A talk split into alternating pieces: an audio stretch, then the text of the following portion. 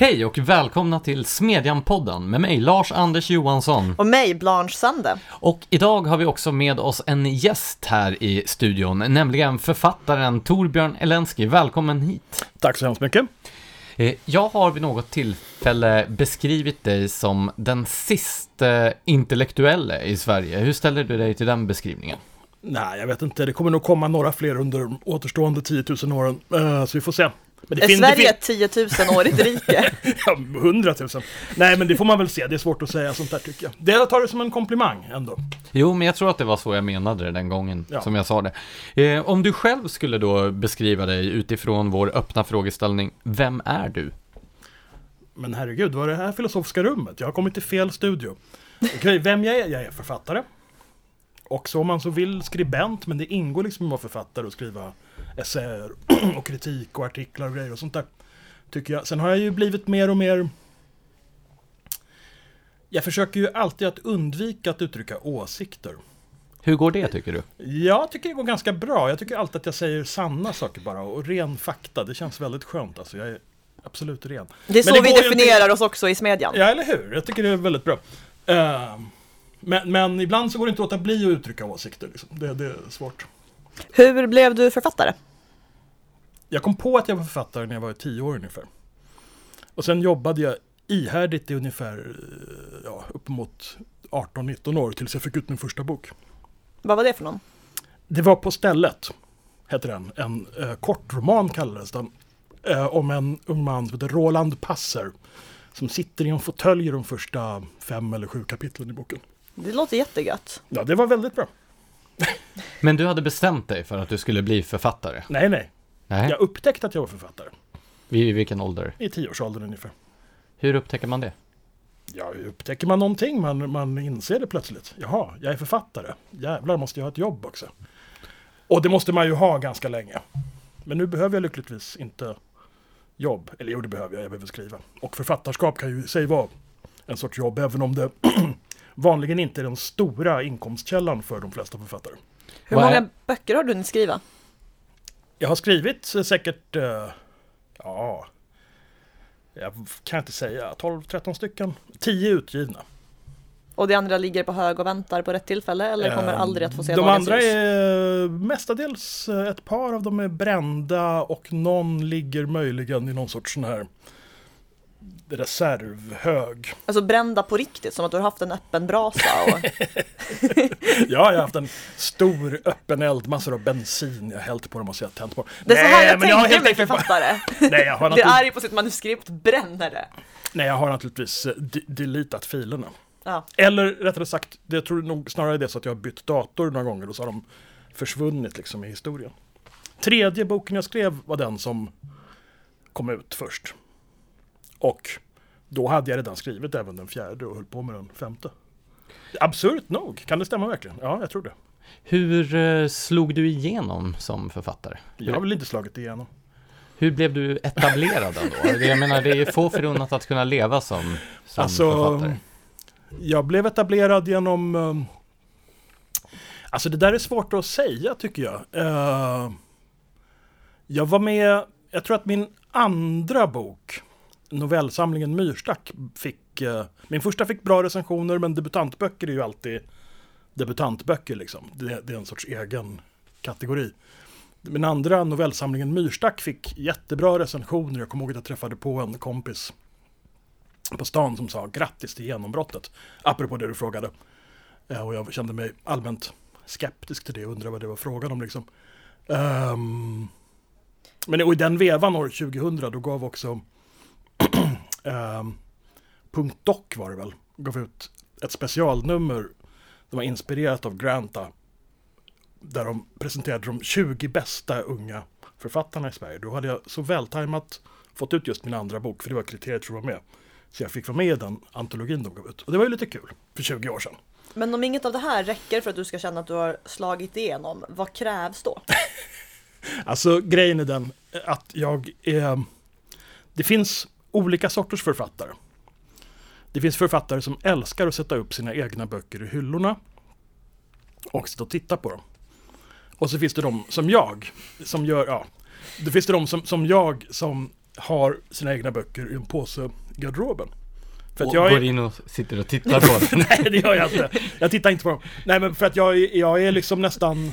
Eh, alltså jag har verkligen ingen lust att vila på lagrar liksom. Varenda gång jag är klar med någonting så känner jag att jag vill göra någonting nytt. Och varenda gång jag håller på med någonting så tycker jag liksom ingenting som jag gjort tidigare Um, jag vet inte jag ska uttrycka det. Det är inte så att det inte betyder någonting egentligen naturligtvis. Men det är ändå så att jag vill inte jag vill inte känna mig nöjd. Jag tycker man ska vara lite hungrig och liksom vilja göra nya saker. Och det är det som kännetecknar mig vill jag påstå. Att jag vill hela tiden göra nya saker. Det är därför jag också gärna samarbetar med konstnärer på olika sätt.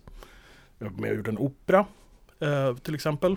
Och nu min senaste bok har jag ju på sätt och vis faktiskt egentligen bytt eh, litterär stil om man säger så. Jag har dessutom bytt förlag. Efter 20 år på Bonniers så är jag nu på Norstedts. Vad har stilbytet gått ut på? Vad hade du för stil innan? Eh, Min stil innan var nog mera ehm, på något sätt, eh, vad ska jag säga, me, mera avancerat eller medvetet litterär, me- metalitterär och väldigt upptagen av form och språk och såna här saker. Sånt som många tycker är Uh, Pretentiös? Ja, Eller? det kan nog en del tycka som är lite obildade och sådär. Men sådana de är ju majoriteten i och för sig, så varför inte? Men jag tänkte att jag skulle skriva en lång roman, en roman som skulle vara äventyrlig och lockande med spännande figurer av alla möjliga slag. Och det gjorde jag. Har du lyckats? Ja, Jag har ju inte hunnit läsa den än eftersom jag fick den jag alldeles vet, jag vet. Du precis. skulle ha fått den tidigare. Ja, eh, men ser mycket fram emot detta. Vilken av dina böcker har betytt mest för dig? Den jag håller på att jobba med nu. Och så är det hela tiden. Ja, så är det hela tiden. Alltså jag är hela tiden, det låter kanske märkligt, men jag är hela tiden framåtriktad liksom. Uh, sen har ju alla böcker betytt mycket på lite, på lite olika sätt. Så att säga. För de är ändå, i, de är ändå som facetter i någon sorts helhet liksom. Uh, men inte minst skulle jag säga, till det här också så betyder det mycket, jag säger det igen, att jobba med konstnärer och tonsättare och saker. Det är jätteintressant att röra sig utanför, inte röra sig utanför sitt eget fält, men att samverka med folk som håller på med andra konstarter helt enkelt. Det är väldigt spännande, tycker jag. Vad är din eh, relation till Italien? Eh, Min relation till Italien är långvarig. Min pappa var ihop med en italienska när jag växte upp under lång tid. Och tack vare henne så åkte vi fram och tillbaka till Milano i första hand och var vid Gardasjön på sommaren och sådana saker. Och sen började jag själv resa där och så flyttade jag till Rom ett period på 90-talet. Och du åker fortfarande dit med viss regelbundenhet? Absolut, så ofta jag kan. Det är ju, Italien är ju det normala landet i världen. Där folk är som normala människor. Det där får du nog utveckla lite. Nej, jag skojar bara. Nej, men, nej, men det, är- jag tycker det är trevligt där. Folk är trevliga, vänliga, maten är bra, klimatet är perfekt. Det här låter jätteonormalt för mig. Ja, från svensk horisont kanske, men det är okej, det är som det borde vara normalt. Men eh, Man hälsar på grannarna i trappen till exempel. Fast det gör man fortfarande i mindre byar i Sverige. Jag har aldrig bott i någon mindre by i Sverige, men jag är säker på att man gör det. Men det finns ju en bild av att väldigt mycket i samhället i Italien är dysfunktionellt och Ja, det är klart här att det byråkrati och så vidare. Och här, nu infinner sig en sån här liksom historisk eller metahistorisk frågeställning här.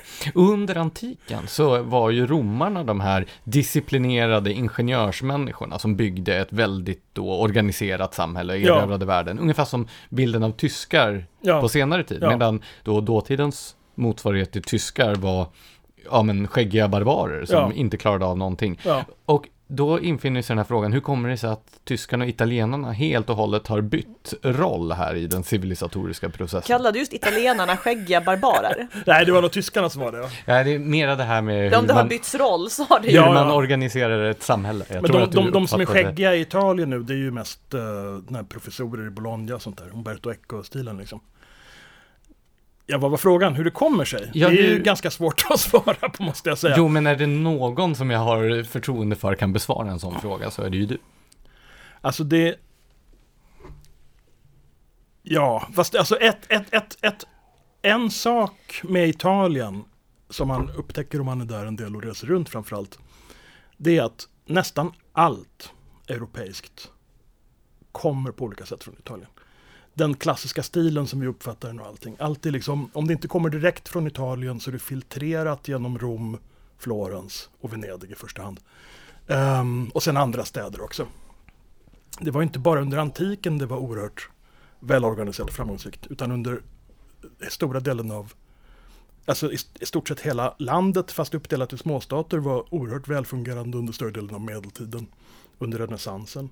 Under 1600-1700-talet var orimligt nog Neapel en av Europas mest progressiva städer. Eh, Svårt att tänka sig idag. Ja, det är svårt att tänka sig idag.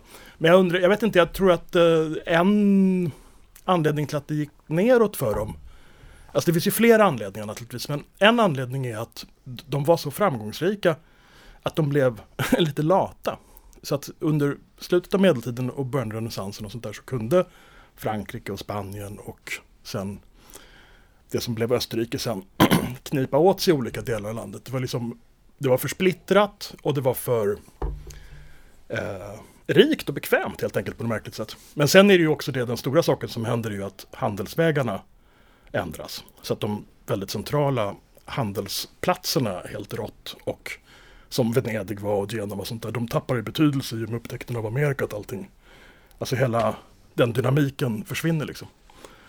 Um, å andra sidan så undrar man ju då hur det kommer sig att Tyskland steg upp. Men de var väl helt enkelt duktiga. De blev protestanter. Och alla blev inte det heller för den delen. Men...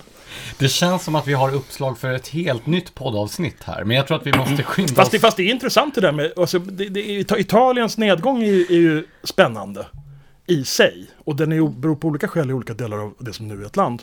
Men Tysklands uppgång är ju egentligen ännu konstigare. För ett land som var fullkomligt manglat av 30-åriga kriget. Alltså fruktansvärd massdöd och så till det epidemier och saker. Religiöst splittrat, uppdelat i massor av småstater. Och så plötsligt så bara, oj, så blir det en industriell och vetenskaplig stormakt. Alltså, det är ändå konstigt. När jag har intervjuat Erik Ringmar, alltså Mm. mannen som vägrade undervisa på Judith Butler, du vet. Ja. Han tar ju upp det här att Tyskland var landet där, eh, där medeltida universitetens ideal fick en renässans först. Och att det kan, Början på 1800-talet ja. Precis, och det kan väl ha bidragit till Tysklands uppsving. Det kan det säkert ha gjort. Det kan det säkert ha gjort. Alltså, återigen då, Italien hade ju just när de var på topp, hade de ju också bland Europas absolut bästa universitet under många hundra år. Du har ju redan varit inne på det att som författare så deltar du också som skribent i kulturdebatten, essayist och så vidare. Hur har den delen av offentligheten, och nu är jag tillbaka i Sverige här, förändrats sedan du började skriva på kultursidor? Och i sambandet är det ju bra att nämna när du började skriva på Ja, kultursidor. jag började skriva i mitten av 90-talet, då i Svenska Dagbladet. Och jag började skriva, det första jag skrev som publicerades, det var en essä om Karl-Henning Wikmarks författarskap. I tidskriften Res Publica som fanns då som var väldigt bra. Det var jag väldigt stolt över att få debutera. Och sen skrev jag, när jag bodde i Rom just, så skrev jag tre understreckare på raken. Om italiensk fascism, om författaren Curzio Malaparte och om en mycket intressant liten bok som handlar om eh, framgångstro respektive eh, undergångstro, vad jag kalla det för, och hur de sitter ihop och hur de framförallt satt upp under 1500-1600-talet. Hur det har förändrats? Alltså det som jag tror, tycker har förändrats är att det har blivit eh, Alltså det har blivit oerhört mycket mindre utrymme för långa texter och för genomarbetade texter. Det har blivit väldigt mycket mer eh, lite mer löst tyckande och krönikeskrivande. Och jag uppfattar det nog också som att det har blivit mera personfixerat på ett ytligt sätt. Det är väldigt sällan som debatter på allvar rör eh, idéer och vad jag skulle vilja kalla liksom verkligt intellektuella frågeställningar. Eh, Det handlar väldigt ofta om, om sånt som man får en känsla av har att göra med personmotsättningar nästan. Alternativt personliga allianser. Liksom. Det, och det finns ju väldigt mycket, jag vet inte, någon sorts stjärnkult nästan som kan uppstå kring vissa personer. Både stjärnkult och motsatsen, vad nu det ska vara för någonting. En sorts uh, syndabocksjakt och så vidare. Det är som att personer nu för tiden antingen är helt goda eller helt onda. Och man strävar liksom inte ens i debatten efter att bemöta argument och diskutera sakfrågor utan man går gärna på person på ett sätt som jag i alla fall inte uppfattade var lika framträdande på den tiden. Nu var det inte så att jag skrev så mycket, alltså jag har alltid skrivit, för att mitt ideal har så att säga varit att vara en bred intellektuell om jag säger så från början. Eh, jag har alltid tyckt att det är intressant att skriva om samhällsfrågor, om historiska frågor, om idéer på olika sätt. Ehm, men just gärna under strecket och i sån form att det inte direkt är debatt eller opinionsartiklar rakt upp och ner. Men vad heter det? Uh, ja, vad har hänt med den kvalificerade kulturkritiken? Det talas ju om att den har försvunnit eller är på nedgång. Eller krympt i alla fall. Vad beror det på? Alltså det beror ju på...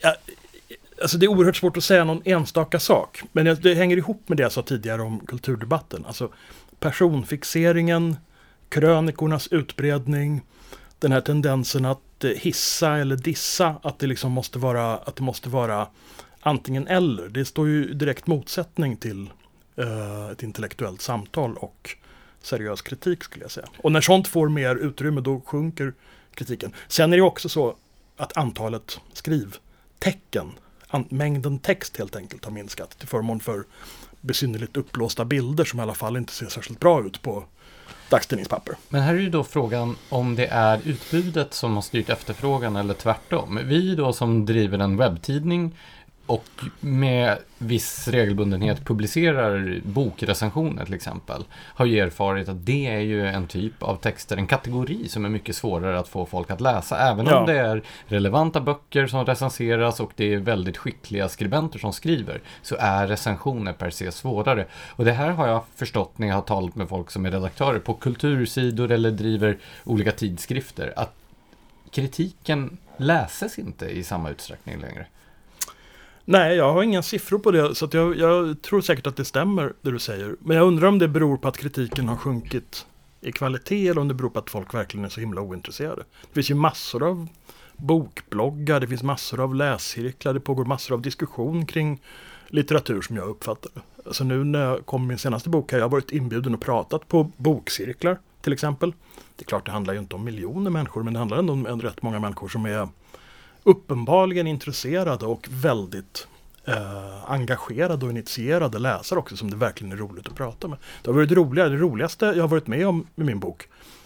Nu var ju det naturligtvis en professionell person men det var det samtal som jag genomförde på eh, science fiction-bokhandeln i Gamla stan. Eh, superbra intervju, eller samtal eller vad man ska kalla det för, med hon som jobbade där. Eh, med, alltså, större, hon var noggrannare, bättre påläst och helt enkelt mera intresserad skulle jag säga än, än eh, många journalister när man pratar med dem. Men att många intresserar sig för böcker behöver ju inte innebära att intressera sig för bokrecensioner. Man kanske har ett annat sätt att förhålla sig Absolut. till litteraturen idag.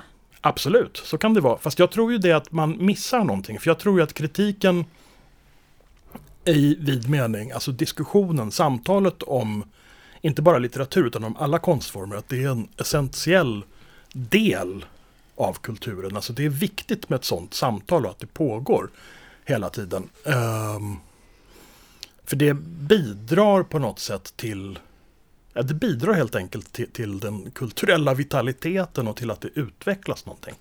Att alltså, det finns någonting. Det där tycker jag är en märklig paradox. Att, som du säger idag så är det ju, uppfattar jag också, alltså mm. mer fokus på skribenterna och deras personer och deras åsikter och så. Men ja. ändå var det ju för vanligt att kritiker blev berömda i sin egen rätt. Typ Ruskin och sådana ja, personer, absolut, alltså många. konstkritiker. Men idag tycker jag inte det verkar ske på samma sätt. Så någonting är ju skevt där. Ruskin var ju också en lysande uh, stilist. Vi har ju några kritiker i Sverige som är alldeles lysande stilister också.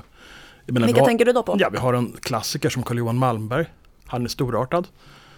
Som essayist och också oerhört, alltså verkligen bildad i ordets rätta bemärkelse. Sen tycker jag att en kritiker som Marina Rabe till exempel, hon är ju en seriös påläst litteraturkritiker som verkligen har koll på saker och ting. Sen får hon ju skriva korta grejer, det är problemet. Artiklarna är ju som jag säger, de är också väldigt korta. Det är svårt att utveckla någonting på 3000 tecken. Just vad gäller litteratur kritiken, är det inte ett problem att kritikerna oftast själva är författare. Eller eh, de som recenserar poesi är oftast själva poeter, de som recenserar litteratur är själva författare.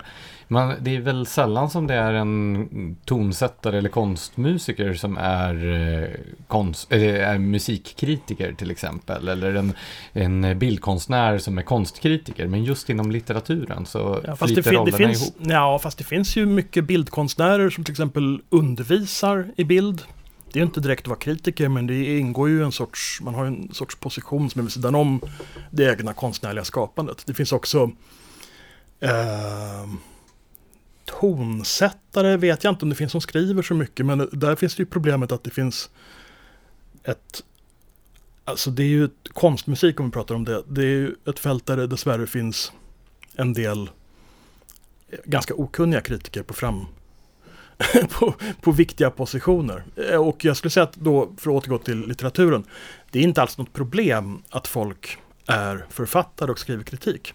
Det finns att säga, olika typer av kritiker. Om du är en författare som skriver, en kritik, som skriver kritik och som har en genomtänkt egen estetik, som har en egen ståndpunkt, så är det en värdefullt med sån kritik. Det finns så att säga ingen det finns så att säga ingen oväldig kritik som är höjd över allting någonstans. Det finns det ju inte även om en, en professor eller en litteraturforskare av något slag skriver kritik. Eh, utan det är ju också skrivet utifrån någon viss position med en viss typ av värderingar, en viss typ av kunskaper eller brist på kunskaper. För numera behöver man ju inte heller så mycket kunskaper för att få utrymme på sidorna om man inte, om man bara har rätt, jag vet inte vad, position. Skriver du själv kritik? Ja, det gör jag absolut. Uh, och med nöje. Jag tycker det är intressant. Fast jag, nu har jag gjort det mera begränsat. För nu har jag varit med i sådana här uh, kommittéer som delar ut priser och sånt där. Jag har skrivit, jag hade blivit så att jag har skrivit väldigt mycket om utländsk litteratur, utländska böcker. Och då har jag väldigt ofta skrivit om um, olika typer av fackböcker i hög grad. Liksom. Men jag tycker att det är väldigt det är givande och roligt att skriva ren skönlitterär kritik. Grejen är bara att det finns väldigt lite utrymme för det. Vi har ju till exempel i stort sett ingen egentligen heltäckande litterär tidskrift i Sverige. Utan de som finns tillhör antingen vissa kretsar så att säga på olika sätt eller också har de blivit i mina ögon för politiserade. Kretsar då i Dantes bemärkelse? ja, ungefär. Eh, jag själv började ju som så många andra journalister med att skriva just kulturkritik. Först som nöjes och sen som kulturjournalist. Men jag slutade i princip helt att skriva recensioner Eftersom jag tycker det är så fruktansvärt obehagligt att såga saker som jag tycker är dåligt. Jag tycker inte om att skriva om, alltså om någonting är dåligt, då tycker jag det är ointressant och därför vill jag inte skriva om det. Ja. Jag vill skriva om bra saker. Alltså jag tycker ju tvärtom det är roligare att skriva om saker man inte har gillat. Men är inte det bara ren elakhet? Kanske. fast, fast, grej, fast grejen är den att både, alltså det är ju ganska det är det som är problemet när bokbloggar så att säga tar över kritiken i så hög grad. Att det blir mer så att de går på eh, lust och skriver, folk skriver om det de gillar och sånt där. Och det är ju kul och det är ju bra, det finns ju ingen som är emot det. Men jag tror ju att det är en, en, en väsentlig del liksom av en, en levande kritik är både beröm och avståndstagande. Alltså det där hissa dissa, det blir ju ganska ytligt ändå. Jag tycker, jag tycker inte om att såga heller. Jag har gjort det väldigt sällan. Några gånger har jag gjort det. Men jag tycker att man måste kunna vara sakligt eh, hård, negativ i kritik, precis som man kan vara sakligt positiv. Liksom. Alltså för att vara tydlig, det är ju det jag menar med sågning. Ja, jag, jag sitter ju inte och så okynneshackar på någon Nej, men det märker man ju att ibland så går ju vissa tidningar går ju igång på sånt där också, för det ger väl klick. Folk njuter ju lite grann av sådana här riktigt elaka sågningar. Jag har en känsla av att de delas mycket. Sant. Samtidigt så är den som skriver för, mycket, alltså för stor andel positivt, om för mycket böcker till exempel, den, den tappar, tappar man förtroendet ja, absolut, för. Absolut, absolut. Börjar misstänka sponsringsavtal. Värst är ju det som jag tror DN Kultur ofta gör, nämligen att man sätter en recensent på att recensera någonting från en genre som de inte gillar. Kommer ihåg till exempel när DN recenserade Sabaton, det här eh, mm. hårdrocksbandet från Dalarna.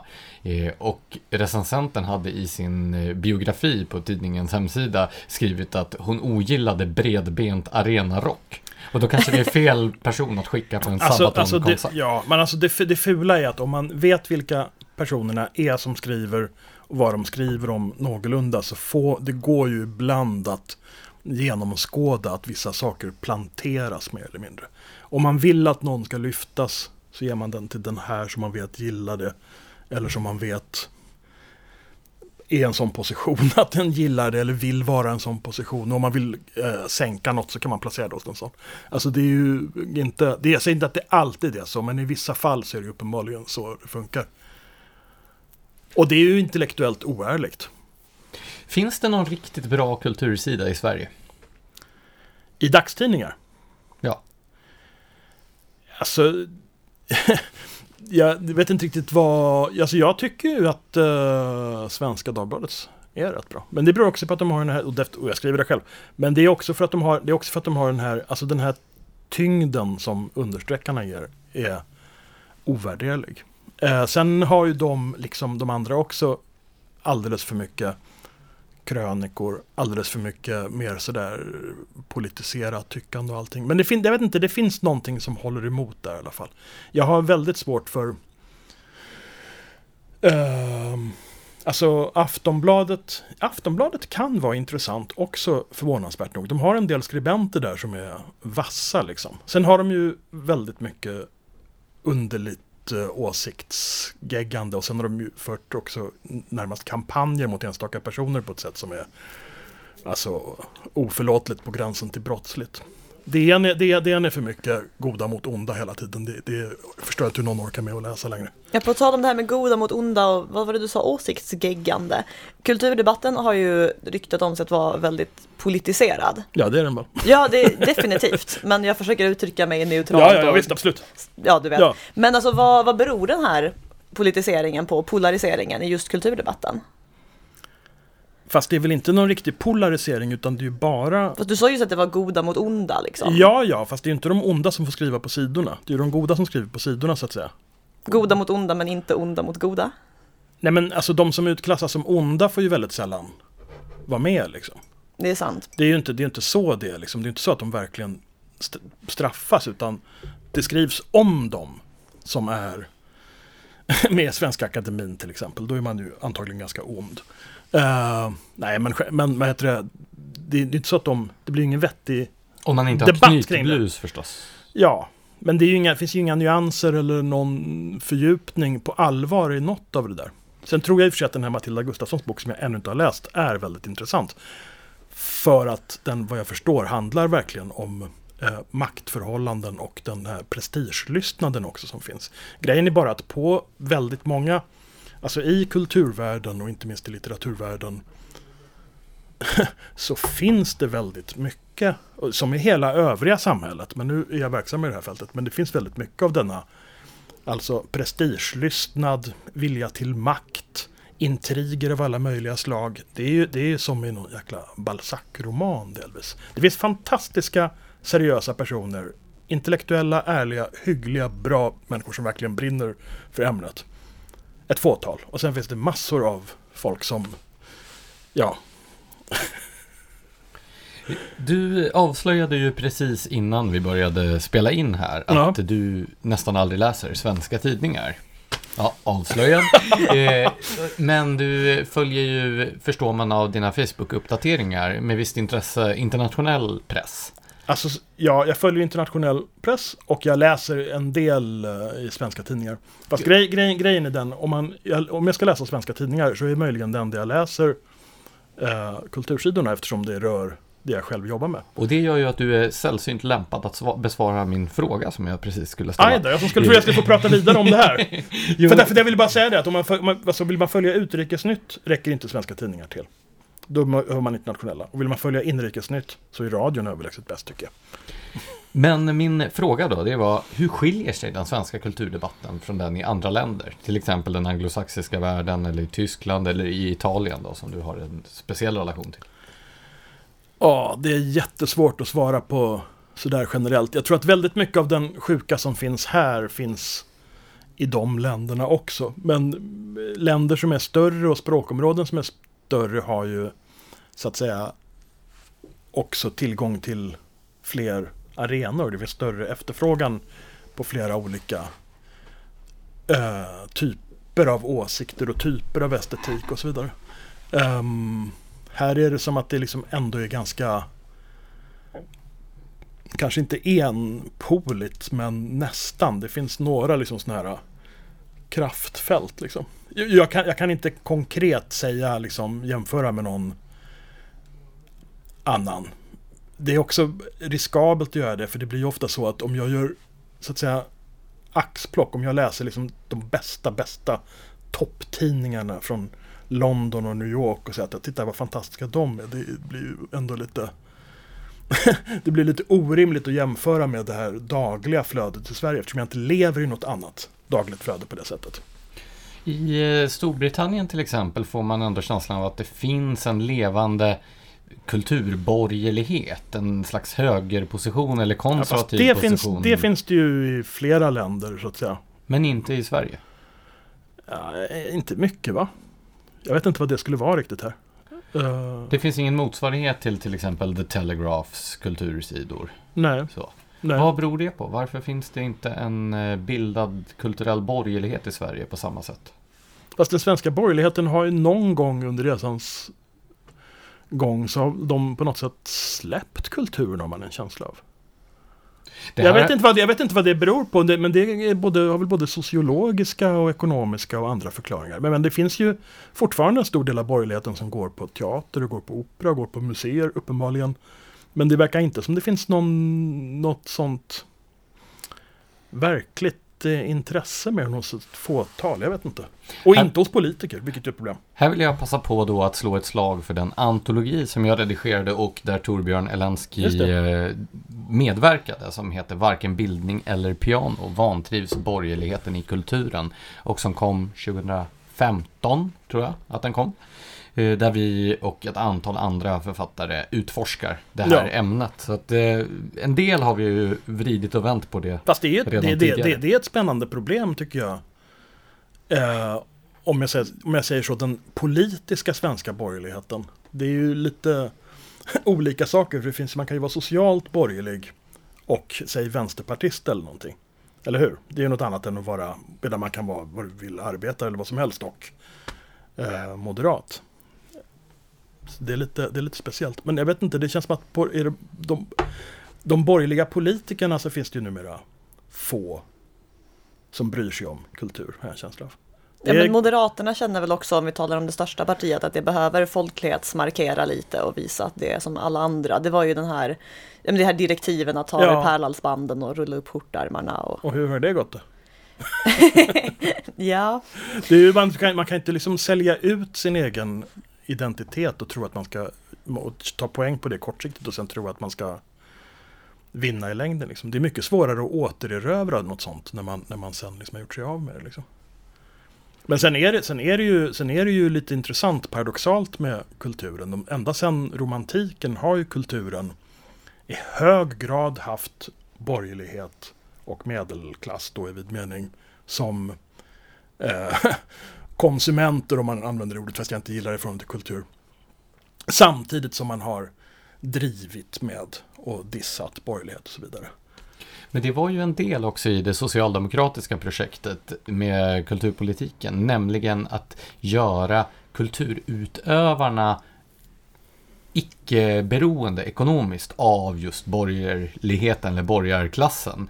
Jag debatterade en gång mot Bengt Göransson, mm. den bästa kulturminister som Sverige aldrig haft enligt alla. Nej men när man frågar sossar, vem har varit den bästa kulturministern? Då säger alla Bengt Göransson. Men han var ju aldrig kulturminister, så mm. det är ju lite missvisande. Men hur som helst, han sa då att eh, angående litteraturpolitiken att det gjorde ingenting om man finansierade makulatur eftersom litteraturpolitikens syfte var inte att skapa litteratur utan att försörja författare. Alltså det har varit så sedan den här reformen 1974. Det här har jag skrivit utförligt om mm. i boken, att dansa efter maktens pipa, att den här politiseringen Men den har låg... blivit starkare. Jo, men det ligger i hela den här, det här kulturpolitiska systemets grund att det ska vara styrt och ideologiskt. Hela den utredning som utformade det var ja, fast, det, fast det skulle inte behöva vara så. Jag tror att det är svårt att... Och jag skulle nog ändå vilja påstå, eftersom jag ändå har varit verksam rätt länge, att det har blivit mycket starkare. Alltså vänstervindarna har ju av någon anledning blivit starkare i politiken, eller i, i kulturen, samtidigt som de har blivit mindre starka i övriga delar av samhället, vilket är lite jo, konstigt. Och det talar ju för att det inte är principen om armslängds avstånd som brister. Det är ju inte att politikerna har börjat styra mer som är det grundläggande problemet, utan många av de här processerna som du beskriver kommer ju inifrån ah, kulturbyråkratin. Men ja, men det är helt sant. Det finns ju en eh, spännande förklaring till nazismens utveckling kan man ta in här, det är alltid bra. Här, det, det, som kallas för... Kum And we went there. Ja, absolut! Nej men kum kumulativ eh, radikalisering heter det väl. Där helt enkelt man försöker vara bättre. Man försöker gå förväntningar till mötes från makthavarna och hela tiden överträffa varandra. Jag tycker det verkar rätt uppenbart att sådana processer pågår bland tjänstemän och bland folk på just museer och institutioner, inklusive delvis Riksantikvarieämbetet och sånt där. Man vill den här väst, vad heter det, västkultur, vad heter de här som vill bränna de siamesiska tvillingarna. I, alltså vid Världskulturmuseet? Nej, det, det är i, på västkusten så finns det en sån märklig grupp, helt styrd av politiker, som vill bränna vissa delar av och förstöra vissa delar av samlingarna på museerna på västkusten i Sverige. Bland annat eh, preparat av siamesiska tvillingar. Forskare från hela världen har protesterat mot det här. Men de vill genomföra det av politiska skäl. Det, är, det är förfärligt alltså. Det är precis som eh, Stina Oskarsson som jag har poddat tillsammans med har ju eh, redogjort för när det kom en, en broschyr som kallades Mångfaldscheck som då ja, Teaterförbundet och Svensk scenkonst gav ut tillsammans. Det vill säga arbetsgivarorganisationen och fackförbundet mm. gjorde tillsammans den här pamfletten. Där då hon som dramatiker förväntades sitta ner med sin ensemble och kryssa i olika rutor ja. på det här sättet. Och då är det ju inte ens då eh, myndigheterna som Nej. driver på det, utan det är, ja. ja men det, det är vansinne hur det pågår inifrån och jag tror speciellt inom alltså, teater och film som är väldigt eh, dyrbara, alltså det är dyrt att göra film, det är dyrt att sätta upp teater. Filminstitutet verkar ju fullkomligt genomruttet alltså.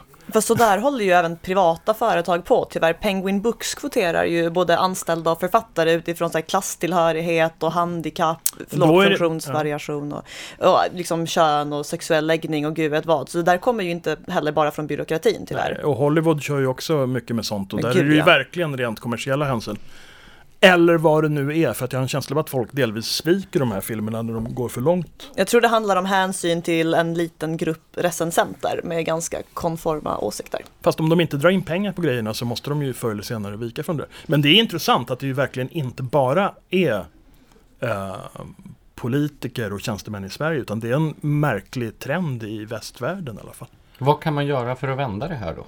Det är ju, jag har ju drivit linjen då att det är svårt att göra det inom ramen för det befintliga systemet. Men du har ett hopp nej, om att det går nej, att göra? Ja, alltså grejen, grej, grejen är den, grejen är den, uh, grejen är den, och det här är det jag tycker är lite tragiskt. Att jag, återigen, jag tror att den institutionella kontinuiteten och de här nationella angelägenheterna är oerhört viktiga. Och jag tycker att det borde vara tvärkultur eller tvärpolitiskt intresse att bevara det centrala i det. Sen behöver inte alla delar. Jag tycker att man skulle kunna luckra upp det mycket mer med det privata och det statliga, liksom, eller offentliga. Det offentliga är inte bara statligt. Um, men grejen är, grejen är ju den att, som du säger, om det nu är så att systemet har så att säga eh, ruttnat inifrån, ja vad ska man göra? Jag vet inte. Det måste ju uppenbarligen, man måste ju uppenbarligen rensa ut en ordentlig mängd uh, tjänstemän som faktiskt beter sig destruktivt helt enkelt. Och med de orden måste vi nog röra oss vidare från det kulturpolitiska ämnet. Det var ett brännande och spännande ämne här. Definitivt, men nu kommer ett... Vi kan återkomma till det. Precis. Eh, du är ju också en av de skribenter som har bidragit till Smedjans Sverige 2050-serie. ja. Eh, vi bad fem olika personer eh, skriva vad de tror Sverige kommer att befinna sig år 2050, om 31 år. Och med anledning av ditt bidrag till den serien så vill jag då fråga dig, kommer Annie Lööf att avskaffa Sverige? Ja, absolut. Berätta mer. Nej men det kommer hon ju göra. Det kommer ju vara den största frihetsreformen av alla när man har då avskaffat, och det värsta är att jag antar att ni gillar en del av de här förslagen. Man avskaffar alla skatter och alla offentliga system, all socialförsäkring och sånt. Om allt det sköts privat, då finns det ju ingen anledning att ha något land längre, eller hur? Ja, det finns ju försvar och rättsväsende och sådana saker Fast som man fortfarande kan vara för. Saker. Om man inte försvarar sig anfaller sig väl ingen. Anfaller Försvaret ingen. ska ju helst inte vara en småsak utan någonting lite Fast mer. det är väl en småsak, man kan ju ta in legosoldater. Folk kan, folk kan bekosta det på egen hand. Nu är ju inte nation och stat heller samma sak. Absolut inte, men nationen finns ju inte. Den är ju bara en föreställd gemenskap, eller hur? Men du har ju skrivit då en eh en eh, skönlitterär vision av ja. Eh, hur eh, Sverige... Som jag tycker är en mardrömsvision, men visst. Hur Sverige kommer att te sig år 2050 när ja. Sveriges första och sista president Annie Lööf beskriver den här processen. Om du skulle sammanfatta, hur har det här gått till? Hur har man nått fram till den situation som du beskriver i den här texten? Ja, man har gått fram genom en kombination av implementering av värdegrund och genom att hela tiden eh, eh, så att säga ge inkompetenta personer så stort utrymme som möjligt så att institutionerna blivit omöjliga att bibehålla. Som, som man gör nu alltså ungefär. Jag vill vara tydlig med att det här inte är Smedjans drömscenario heller. Nej, jag förstår det, jag förstår det. Det är ju tillspetsat, eller hur? Men det är ju liksom... Men finns det stöd för den här linjen då, som du beskriver? Finns det... Alltså, det, stöd vet jag inte om det finns, men den, den, den, den drivs ju. Så alltså, att jag antar, antar, att folk antingen inte vet vad de gör eller stödjer den. Jag känner att vi för lyssnarnas skull borde vara lite klarare och tydligare Borde läsa här. upp novellen också, eller, eller historien eller vad man ska kalla det för. Nej men idén är alltså att så här, en efter en läggs olika statliga åtaganden som staten misslyckas med att sköta ut på Misslyckas privata... avsiktligt. Precis, samtidigt som en Vänta, misslyckas avsiktligt? Ja, eller bland, Skulle du säga att bland... polisen och rättsväsendet idag misslyckas avsiktligt med att sköta sitt uppdrag? Hur svårt kan det vara att lyckas med det? Jag vet inte riktigt. Efter en viss gräns av inkompetens så börjar man ju tänka att ja, men de vill väl antagligen inte ska vara så här och då är det ju avsiktligt. Alltså det kriminella är ju också ganska tungt beväpnade. Det är ju men hur har de blivit det? Alltså det är, ju, det är ju flera led av någon sorts konstigt, alltså felaktiga destruktiva beslut i kombination med inkompetens och missriktad välvilja som har gjort att det blivit så. Varför, alltså, varför, kan... varför ska de, in, de kriminella i Sverige vara bättre beväpnade än i andra jämförbara europeiska länder? Det är ju fullkomligt bisarrt. Men det där är ju den, den konstanta frågan. När någon gör någonting fel, är det då dumhet och naivitet eller är det alltså, avsiktligt? om den gör det gång efter gång efter gång, år efter år, då utgår jag från att om den här människan inte har allvarliga mentala problem så gör den det avsiktligt hårt. Ja, eller vad ska, jag vet inte om det är hårdare att tro att de bara är dumma i huvudet eller att de är avsiktligt. Det här slutar alltså i alla fall med att Sverige avskaffar sina gränser och sin status som stat och blir ett territorium. Ja, ett territorium eller land. Men då vilket ord jag använde, landområde, territorium, något sånt där. Jo, det var nog ett territorium. Jag, jag tror det var ja. det. Eh. Skulle du säga att Centerpartiet idag är ett mittenparti? jag skulle säga att det är ett extremistparti som lyckas genomföra sin politik genom att det får alla att tro att det innehar en mittenposition. För mitten anser man ju alltid vara normal och bäst och genomsnittligast och mest harmlös. Och så, så länge Centern får folk att tro att det här är mitten så kan de göra vad de vill, verkar det som. Inklusive med mycket större partier runt omkring sig. Det är rätt förbluffande. Så Gösta Ekmans gamla sketch om centerextremisten har alltså blivit verklighet? Ja, du? det har det. Absolut. Fast idén är väl att i ekonomiska frågor så svävar väl Centerpartiet någonstans i det lilla utrymme som finns kvar mellan S och M. Och ja. så är det mer i andra icke-ekonomiska frågor det är lite mer extremt lagda eller? Ja, extremt eller utopistiskt eller, eller verklighetsfrämmande eller vad du vill. Är det här då Eh, Eh, är din text ett uttryck för eh, den här allmänna trenden att tala om en liberalismens kris som finns nu? Eller är det någonting annat som skildras? Alltså, ja, alltså grejen är den att liberalismens, om, om den handlar om liberalismens kris så handlar den ju om så att säga hur eh, liberalismen driven till sin spets egentligen avskaffar sig själv. Och jag skulle vilja säga att det är en generell sak som jag tror gäller i princip alla ideologier och alla system. Nästan ingenting går sönder eller faller samman eller så på grund av yttre fientliga krafter.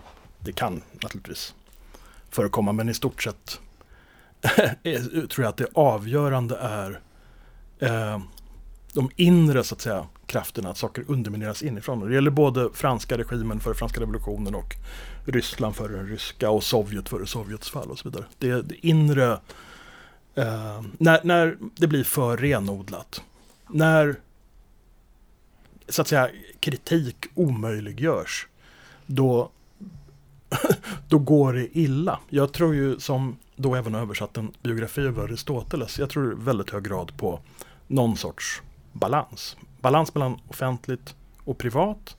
I och för sig mellan höger och vänster också, mellan frihet och ansvar, mellan, ja, och så vidare. Och det där är ju någonting som kan eh, röra sig. Det är inte eh, så att säga fixerat exakt hur balansen ska vara i varje läge. Det är, eh, även om jag i och för sig tror på principer som någonting viktigt så tror jag att man inte heller ska vara fullkomligt sådär prokrustesfixerad vid att det ska vara exakt enligt de mått eh, som man teoretiskt har räknat fram. För teoretisering och abstraktion är också någonting som eh, ligger bakom många, så att säga, eh, inte minst ideologiska missgrepp.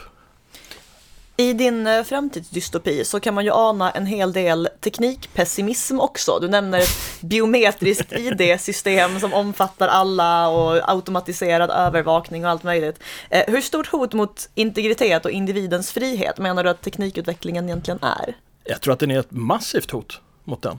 Alltså verkligen massivt och jag har en känsla av att våra vare sig politiker eller debattörer, och det här är ju till exempel någonting som man skulle kunna diskutera mycket mer både på kultursidor och andra sidor då i politiska sammanhang är, verkar fullkomligt eh, ointresserade av detta. Det jag tycker är rätt eh, förbluffande faktiskt. Eh, att man inte är mer uppmärksam på det. För att tekniken finns och tekniken kommer. Vare sig den kommer i form av eh, så att säga, den kinesiska staten eller de här enorma monopolföretagen så att säga. Ja, alltså ibland undrar jag vad som är mest drivande i det här, om det är stater som vill övervaka oss eller om det är folk som glatt kastar sig in i det själva för att det finns bekvämlighetsfördelar med det. Bekvämlighetsfördelar, jag tror att det, i väst är det ju så i alla fall. Och jag vet inte, det är möjligen så att sånt spelar in i Kina också. Det känner jag inte till. Fast där är ju staten mycket mer, som vi läser om det i alla fall, mycket mer påtagligt drivande i den här övervakningen. Ja, det har ju det obehagliga sociala kreditsystemet. Ja, där man får någon ja. sorts Och som poäng. de eh, så att säga, eh, argumenterar för utifrån kinesisk filosofisk tradition. Intressant nog. Hur då?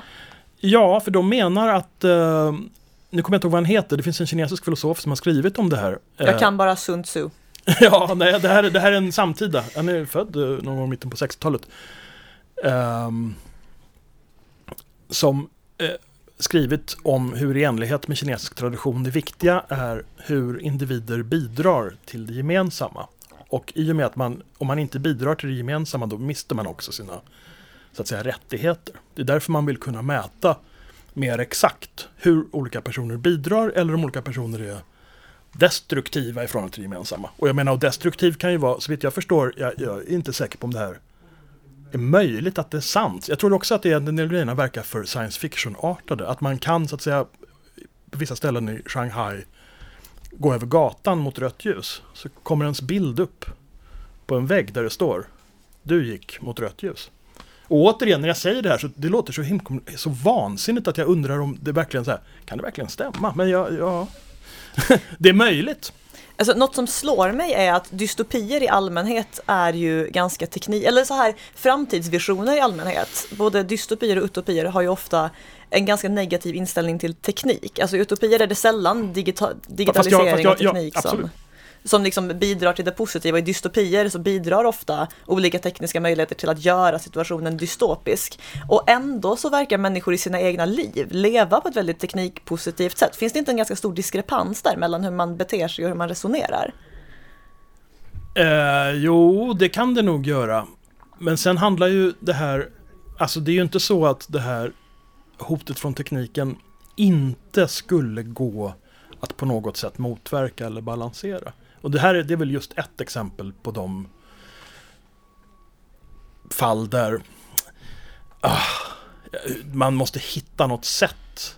Men hur skulle just, man gå tillväga för att balansera det? Alltså där är ju, just man måste ha möjligheter, alltså all sån teknik som är statlig måste man ha möjlighet att, att uh, granska. Men även det här privata, alltså problemet med nätet generellt och den här tekniken är att det är så den bygger på att den som är först genom grinden så att säga är den som vinner. Om det är nummer två på nätet då är du i princip ingen. Liksom. Utan det ska vara Google, Facebook och, och uh, Amazon och så vidare. Och sen köpa upp och utplåna alla konkurrenter. Ja. Eller ta över deras det, teknik för det, för det, är, ju, det är ju det jag menar, om du, till exempel om du vill, om du vill ha den enorma eh, tillgång till den enorma mängd data som Google har. Det är bara de som har det.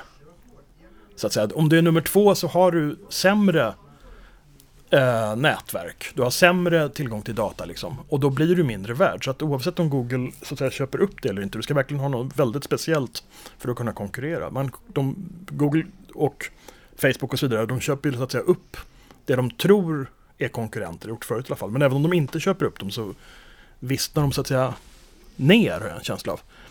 Det låter som någonting som är ganska svårt att balansera. Ja, jag tror att det är jättesvårt att balansera. Och det, det som gör det extra svårt att balansera det är ju också det att eftersom så att säga från Kinas håll satsar man massivt på det här. Kina satsar massivt på att utveckla 5G och på att utveckla allt sådana här ansiktsigenkänning, övervakningssystem och allting. De ligger jättelångt framme. Och eh, om så att säga väst i vid mening, det är ju det här som är också de här stora företagens argument. Om väst ska kunna konkurrera med dem, då måste de här företagen få vara så här stora. För att annars har de ingen chans att konkurrera med Kina. det är ett riktigt jävla dilemma vi hamnat i. Verkligen.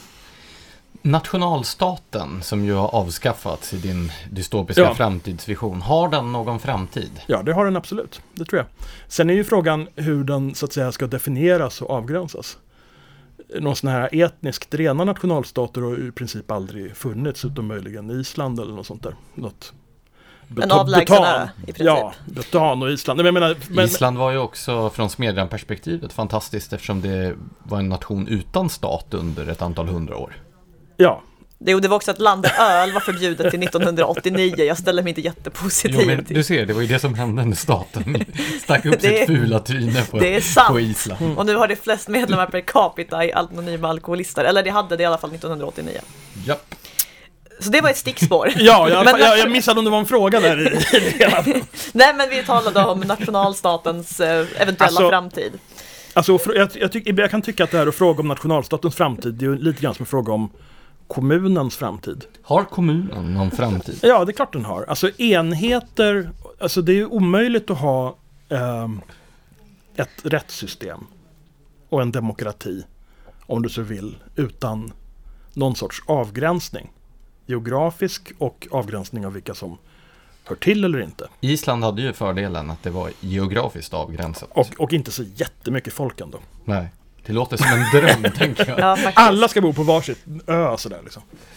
Precis, men eh, däremot landstingen har väl förhoppningsvis ingen framtid. Nej, det håller ju på att förvandlas i regioner allihopa. Nej, men i Norge avskaffade man ju dem i princip helt, åtminstone vad gäller sjukvårdsindelningen. Ja, Nej, det, är, det är säkert bra att avskaffa dem, jag har ingen bestämd uppfattning om det. Men jag kan ju säga apropå det där att jag tycker att en väldigt speciell grej här i Sverige var att man införde stadsdelsnämnder. Speciell i positiv eller Nej, specie negativ speciell i negativ bemärkelse för att man införde, som jag uppfattar ett helt onödigt nytt lager politiker och tjänstemän väl? Men fast man vill väl hellre ha ett nytt lager på en lägre nivå än på en ännu högre nivå? Absolut, fast då undrar jag å andra sidan varför kan inte de som bor i stadsdelarna få välja de direkt. Men det, det vore väl fantastiskt? En, ett sätt att försöka kompensera för alla negativa effekter av kommunsammanslagningarna som hade ägt rum det, tidigare. Det, det stämmer säkert, ja. fast jag tycker fortfarande att de här kommundelsnämnderna, eller vad det heter för någonting, de borde ju så att säga öppnas demokratiskt mot de som bor i kommundelen då. De kan väl ha stormöten där som i USA där man sitter och och väljer sin egen sheriff och sådana saker. Det tycker jag vore fantastiskt. Det vore absolut en bra demokratisering nerifrån. Liksom. Varför inte? Jag är helt för. Ja. Eh, om vi rör oss upp på den överstatliga nivån istället, när vi nu talar om olika ja. entiteters framtid. Har EU någon framtid? Ja, det tror jag. Eh, fast frågan är i vilken form alltså.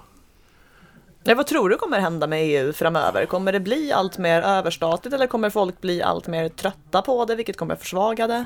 Alltså det kommer bli fler och fler, det kommer bli fler och större slitningar av olika slag. Alltså det är ju inte bara nu i, i um, Ungern och Polen som är allas favorit uh, dåliga exempel som, som folk är EU-skeptiska. Bevisligen, jag menar i England och i Storbritannien så röstar de ju för Brexit trots att alla säger att de skulle förlora på det ekonomiskt för att de i alla fall hellre vill bryta sig loss från Bryssel. Uh, I Italien finns det en stor EU-skepsis. Samtidigt som det också är ju då så att de här länderna som har euron trots allt eh, nog eh, är tätare knutna till det än vad man tänker sig. Jag pratade just när jag var faktiskt i Italien nyligen och då var det en som sa, vi satt och diskuterade, som, som sa det att om jag hade haft mina besparingar nu som pensionär i lire, då hade jag varit helt pank för de hade liksom devalverat bort mina pengar helt och hållet. Nu när det är okej, okay, tyskar som bestämmer men, men hellre en kapabel tysk än en inkompetent italienare som bestämmer. Nu är vi tillbaka där på Rom och, och Ja, jo men det är ju, men alltså, man, kommer ju aldrig, man kommer ju aldrig ifrån det där. Men frågan är om det är Rom och barbarer, det är mer så här tysk-romerska riket som, som spökar någonstans kanske i det hela. Um, ja, jag vet inte, men jag, jag tror ju att EU kommer att överleva. Men i vilken form, det vet jag inte. Nu är vi ju i princip redan inne på det avslutande ämnet här. Du skrev ju en bok Eh, som gavs ut häromåret på temat gränser. Ja. Vad var bakgrunden till den boken? Ja, bakgrunden är också en sån här oerhört eh, lång bakgrund.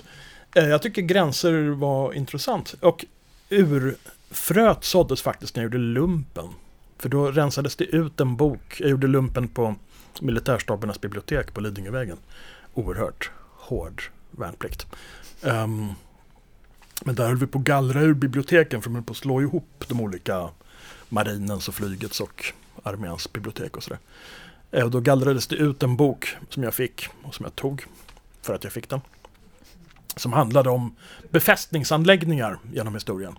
Och om hur, eh, så att säga, destruktiva befästningsanläggningar är för försvarsviljan och hur de i själva verket så att säga kan, kan eh, skada länder på olika sätt. Det var är intressant. Det, är det någon sorts miniversion eller version av det här att bli fredsskadad? Att man känner sig för trygg med den stora Ja, det kan det, kan, det, det kan det nog vara alltså. Uh, var det länge sedan jag läste den, men det var uh, otroligt intressant. Allt från kinesiska muren till Maginot-linjen och allt sånt där. Och då kan man ju säga, apropå det och apropå gränser och murar och sånt idag. Vi firar ju uh, 40 år sedan Nej, vad säger jag? 30 år sedan Berlinmurens fall är det.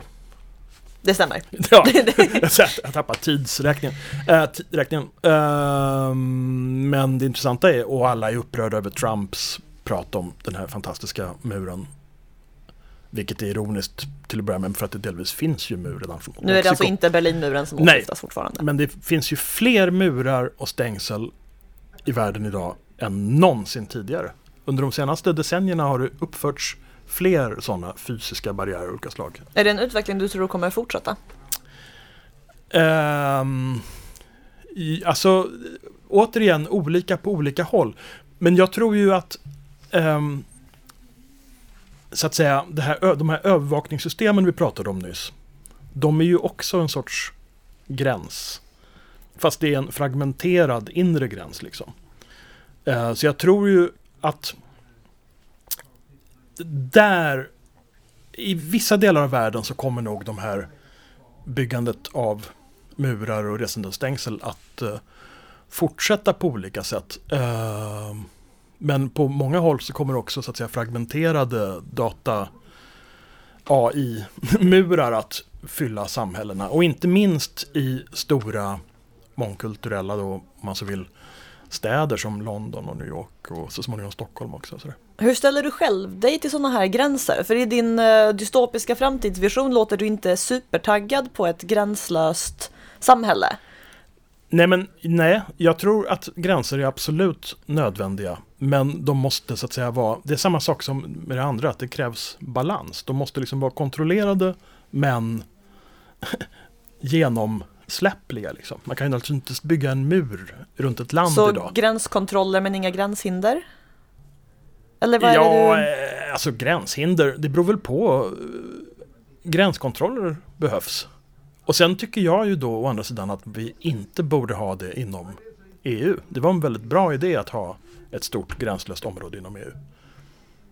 Vilket man inte har lyckats upprätthålla. Det är en tragedi och det är ett problem för EU inte minst. Men jag menar om man inte, det är hela tiden så, om du inte kan skydda EUs gränser, då reser man gränser inom EU. Kan du inte lyfta eller skydda länders gränser, då byggs det på olika sätt gränser inom länderna. Grindsamhällen är väl någon sorts slutstation ja, gr gr grindsamhällen och, ja, precis, och olika övervakningssystem och allting sånt där. Jag menar i Sverige så är det ju så jag vet inte om vi har några regelrätta grindsamhällen här än. Det finns väl... Men det finns väl ett i Malmö? Ja, det lär, lär, väl göra det. Men det lär ju kunna... Det finns ju så att säga på andra sätt. Det kan ju finnas så att säga samhällen som kan fungera som grindsamhällen fast de inte har fysiska grindar. Det är lite samma sak som att Medelhavet kan vara en sorts halvt om halvt mur nästan runt Europa. Fast det inte är en mur, det är också en transportväg. Och då vill jag säga att en annan jättestor mur då kommer vi in på helt andra ämnen men om man pratar om EU så är ju EUs gränsskydd så att säga utflyttat jättelångt från Europa nu. Det förekommer ju aktivt så att säga gränsskydd nere söder om Sahara.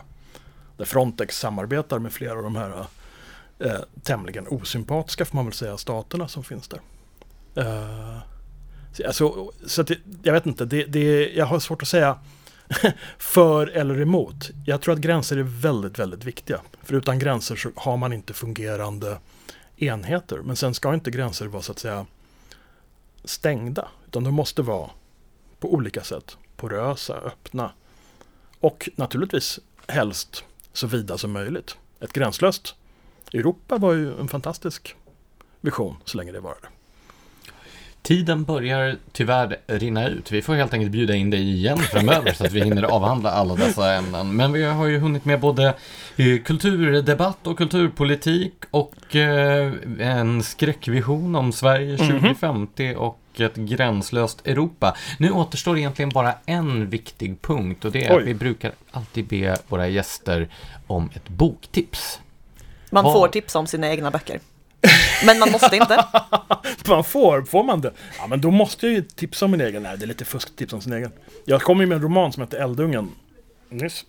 Du måste läsa. Ja. Absolut. Den är, tror jag, väldigt läsvärd och bra. Annars om jag ska ta ett annat boktips så har jag alldeles precis läst för de som är intresserade av engelska och som är intresserade av kulturhistoria Tom Hollands Dominion är den bra alltså? Ja, den är suverän. Den är, du känner till den, du har läst ja, om den, ja. Men jag har inte läst den. Nej, nej, den är, den är, den är, men den är fantastisk. Det handlar liksom om hur, eh, så att säga, den västerländska mentaliteten har utvecklats ur kristendomen. Hemskt nog. Det är nog många som reagerar mot det och inte minst kanske i Sverige där man ofta verkar rätt eh, omedveten om i hur hög grad vi förvaltar så att säga ett inte bara kristet utan specifikt protestantiskt arv. ja, vi vill ju gärna se oss själva som väldigt sekulära. Ja, det är inbildning. Så Smedjan-poddens lyssnare fick alltså två boktips den här gången. Fast Tom Hollands Dominion och Torbjörn Elenskis Eldungen. Med de orden, tack så hemskt mycket för att du kom hit, Torbjörn Elenski. Tack för att jag fick komma. Och tack till er som har lyssnat.